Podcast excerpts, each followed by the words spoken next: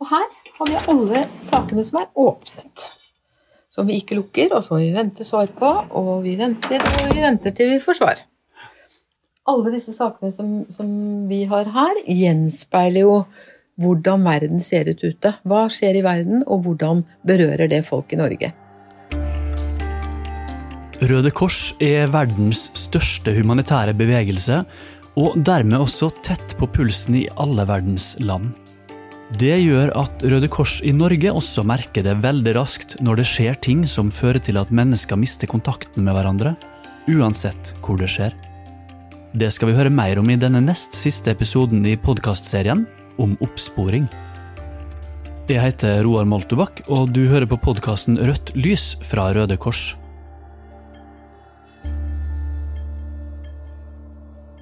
Det er jo noe av de første folk som er utsatt for eh, katastrofer og ulykker, eh, er opptatt av, er jo ikke Altså selvfølgelig redde liv, gi førstehjelp, vann, mat, ly, sånn at man er trygg. Men det første de spør etter, er hvor er familien min? De var her sammen med meg, hvor er de nå? Og det er de opptatt av. sånn at nå er det jo sånn at oppsporingsteam blir sendt ut med en gang, sammen med andre team, medisinske team og vann og sanitær, eh, mat eh, Alt det som man trenger for å overleve. Eh, og oppsporingsteam er med ut. Og det er eh, Sånn var det ikke for 30 eh, år siden. Denne jeg snakker med her, det er Brita Liholm i Oppsporingstjenesten, som du også har hørt fra i de to forrige episodene. Oppsporing har, som Brita nettopp fortalte, blitt en sentral del av Røde Kors sin innsats når mennesker rammes av krig eller naturkatastrofer. Og det har hun mange eksempler på. Når er det Røde Kors merker at nå skjer det noe der ute i verden? Ja, altså det er, det, er, det er, to sider av den saken. Det ene er når det skjer noe ute i verden som øh, berører befolkningen i Norge. Og veldig ofte så er jo det minoritetsgrupper i Norge som, blir, eh, som har kommet til Norge kanskje for lenge siden eh, og bodd her lenge, og som ser at eh, hjemlandet deres blir utsatt for en katastrofe, en konflikt, en krig, et eller annet som skjer i det området de kommer fra. Jeg husker vi hadde Det var en flom i Pakistan, og den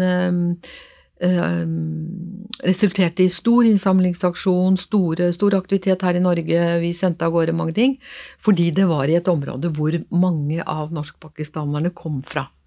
Sånn sett så, så vil, Da utløser jo det veldig mange henvendelser til oss. Kan vi finne dem, kan vi lete.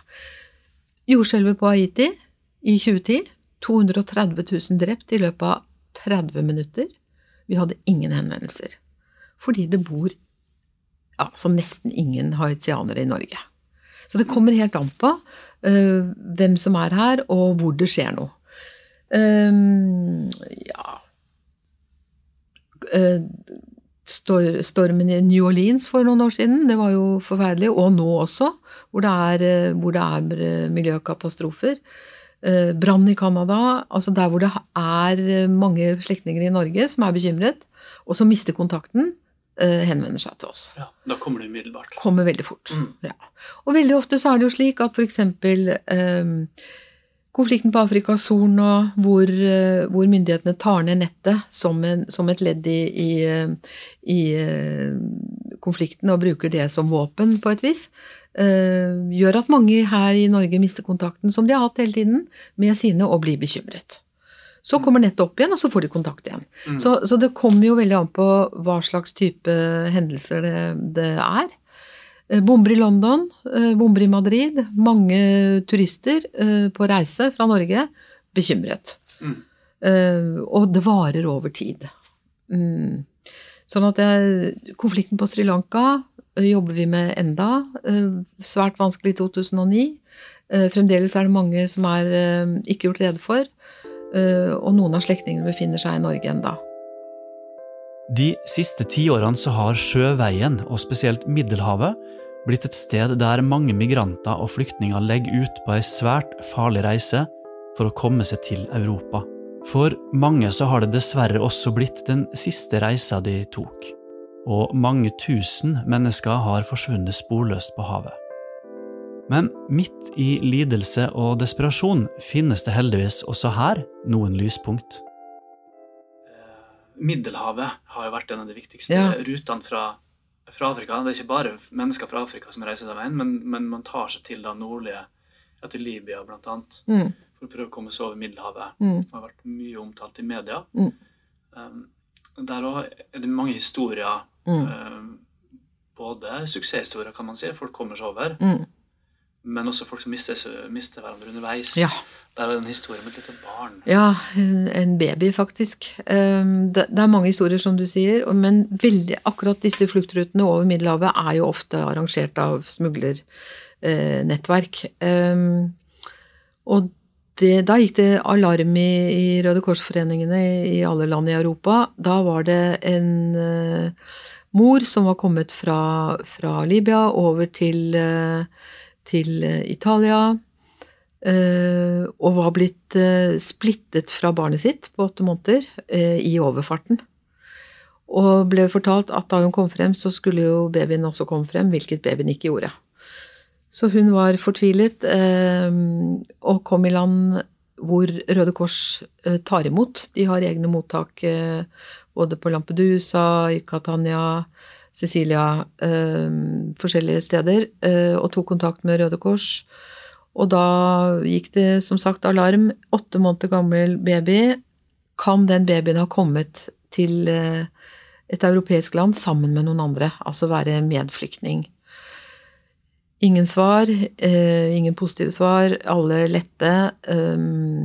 Men etter ganske kort tid så fikk vi tilbakemelding gjennom nettverket at babyen var funnet. Og da, i stedet for å forlate babyen, så hadde smugleren tatt ansvar og hadde brakt babyen tilbake igjen dit den kom fra. Eh, og det var jo en spesiell historie. Så eh, hvordan det gikk videre, og når de fant hverandre igjen, og hvordan de eh, fikk opphold sammen, sa historien ingenting om, men babyen ble funnet. Og sånn er det nå eh, med, som du sa, vi kjenner jo disse historiene gjennom media. Eh, akkurat nå er vi i oppsporingstjenesten i ferd med å eh, finne folk i Norge som savnet noen etter et skipsforlis i 2013. eh, hvor få overlevende ble brakt i land i Lampedusa, men hvor de har brakt i land levningene etter, etter de som druknet, eh, og hvor det har vært et eh, iherdig identifiseringsarbeid. Og det har vært et samarbeid mellom EU, mellom italienske myndigheter og Røde Kors, ICRC. Um, Så nå får vi en liste over antatt tilknytning til norske fra det de har funnet gjennom identifikasjonsarbeidet og, og rettsmedisinsk arbeid. Da. Så det er også en oppgave som uh, Vi har to sånne, sånne vrak som har gått ned, hvor, um, hvor myndighetene har uh, bestemt seg for å, å rydde opp.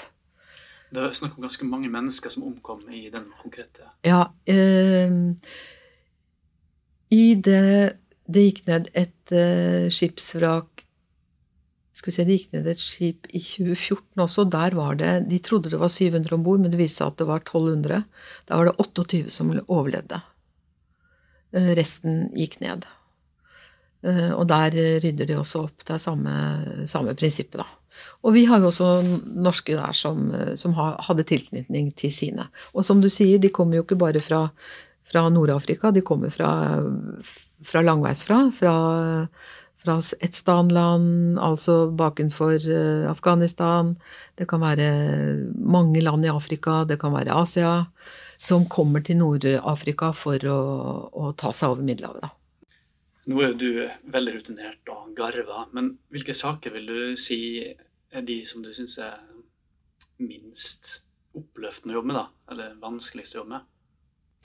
Nei, jeg tenker jo, tenker jo som, som barn, når barn savner sine omsorgspersoner, eh, så er jo det vanskelig. På den annen side så er det ofte Jeg har akkurat, akkurat lest en, en, eh, en rapport som sier at når barna kommer tidlig, så har de større sjanse for å klare seg, selv om de er enslige, eh, enn når de kommer senere i livet. Altså mellom eh, 15 og 18, da. Sånn at de yngste barna klarer seg bedre. Eh, og det, det handler jo om omsorg og hva slags, eh, hva slags eh, familie de kommer fra, og hva som har skjedd. Ikke sant, der de, der de kommer fra. Det kan være enslige mindreårige fra, fra Asia, Afrika, Europa også, for så vidt. Du har nå hørt nest siste del av Røde Kors sin podkastserie om oppsporing. I neste og siste episode så skal du få vite hva oppsporingstjenesten gjør når de ikke driver med oppsporing, og du skal få høre en flukthistorie som nesten ikke er til å tro. Den endte på perrongen på Oslo S.